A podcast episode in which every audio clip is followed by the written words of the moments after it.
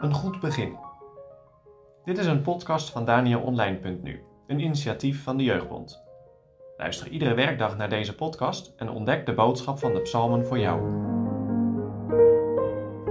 Vandaag met Jacob Pons, jeugdwerkadviseur bij de Jeugdbond.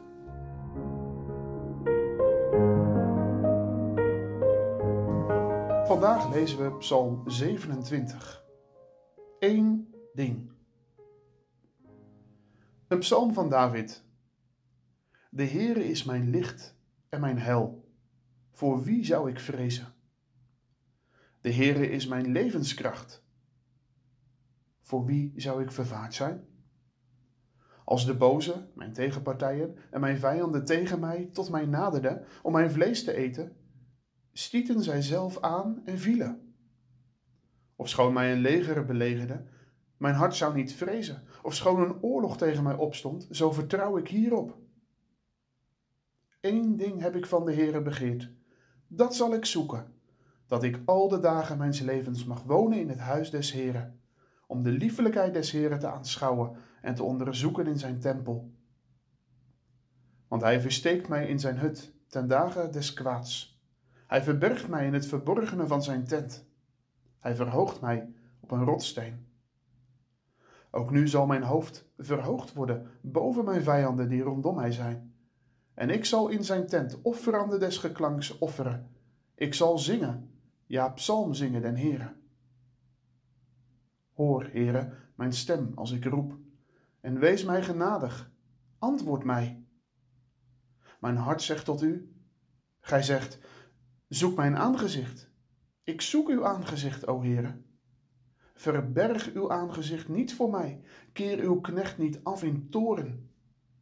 Gij zijt mijn hulp geweest. Begeef mij niet, verlaat mij niet, o God van mijn heil.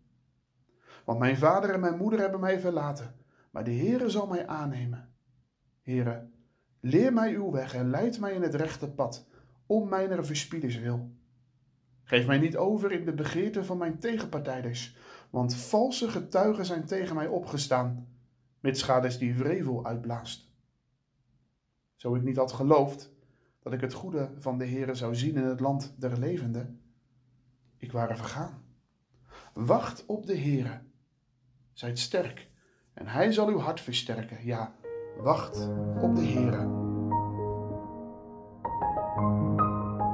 In normale tijden staan elke zondag de deuren van de kerk open. De kerkklokken roepen de mensen op om naar de kerk te komen.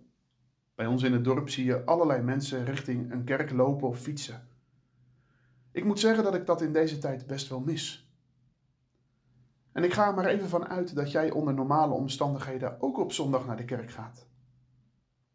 Maar waarom ga jij naar de kerk? Je zou ook lekker kunnen uitslapen op je vrije dag. Of genieten van een natuurwandeling, toch? Maar waarom maak jij dan de keuze om naar de kerk te gaan? Omdat het moet? Omdat je dat gewend bent? David heeft Psalm 27 geschreven, waarschijnlijk in een tijd waarin het heel onrustig was in zijn leven. We weten allemaal het leven van David. Goliath verslagen, geliefd bij alle mensen, behalve bij Saul. Die ziet David als een bedreiging voor de troon. En dan begint het voor David. Eerst slingert Saul een speer naar zijn hoofd, dan weer een klopjacht. Nee, David heeft geen moment meer rust. Hij moet onderduiken. Maandenlang zit hij in grotten en spelonken. Maar veilig? Nee, hij is nergens zijn leven zeker. Hij is een stuk opgejaagd wild. En juist in deze onrustige periode schrijft hij deze psalm. Telkens als ik deze psalm lees, blijf ik haken bij vers 4. Ik denk dat dit vers het kloppende hart van de psalm is. Eén ding heb ik van de Heere begeerd. Dat zal ik zoeken. David wil niks liever dan in het huis van de Heere te zijn. Misschien begrijp je David wel, vooral nu het lastig is om elke zondag naar de kerk te gaan. Dan kan je er enorm naar verlangen om met de hele gemeente samen te komen. Maar ik stel je nog een keer de vraag: waarom ga jij naar de kerk? Voor David is het niet zomaar een verlangen om weer eens naar de tabernakel te gaan. Nee, David verlangt naar God zelf. Hij verlangt, om precies te zijn, naar de liefelijkheid van God. Je zou kunnen zeggen naar dat wat God aantrekkelijk maakt. Je leest hier iets van een hartstochtelijk verlangen. Zoals je kan verlangen naar iemand waar je van houdt. Verlangen naar het gezicht, naar de ogen, naar de lach, de stem, het hart. David wil de liefelijkheid van de Heer aanschouwen. Dat is niet zomaar vluchtig, zo van even swipen, liken en weer doorgaan.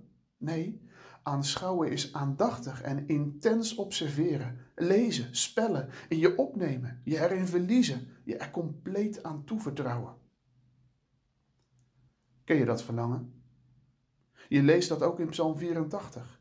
Mijn ziel is begeerig en bezwijkt van verlangen naar de voorhoven des Heren.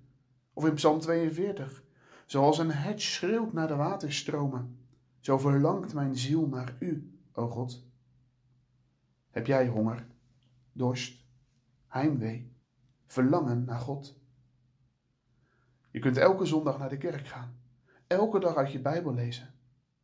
Je kunt jezelf daardoor weer een goed gevoel geven. Het voelt heel vertrouwd en veilig, omdat het nu eenmaal zo hoort. Maar spiegel jezelf eens aan deze psalm. Gaat jouw hele hart uit naar God? Dat verlangen is de echo van een dieper en een sterkere verlangen buiten jezelf. Een verlangen vanuit de Heere zelf. Johannes zegt: Wij hebben Hem lief, omdat Hij ons eerst heeft liefgehad. Hij zoekt verloren en zondige mensen. Hij zoekt een antwoord in ons hart. Een antwoord zoals dat van David in Psalm 27. Eén ding heb ik van de Heere begeerd. Dat zal ik zoeken. Zoeken. Dat is iets actiefs. Dat is de opdracht vandaag ook aan jou. Zoeken in zijn woord.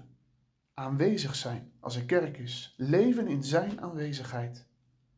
Dat vraagt iets van jou. Om te leven vanuit die grondhouding. Dan zie je zijn liefelijkheid en goedheid oplichten. En dan mag je elke dag leven met een open en een verwachtingsvolle blik. Als ik niet had geloofd, als ik niet had verwacht dat ik de goedheid van de Heere zou zien in het land van de levenden, dan was ik vergaan. Wacht op de Heere. Zijt sterk. Hij zal uw hart versterken. Ja, wacht op de Heere. Ik stel je nog één keer de vraag.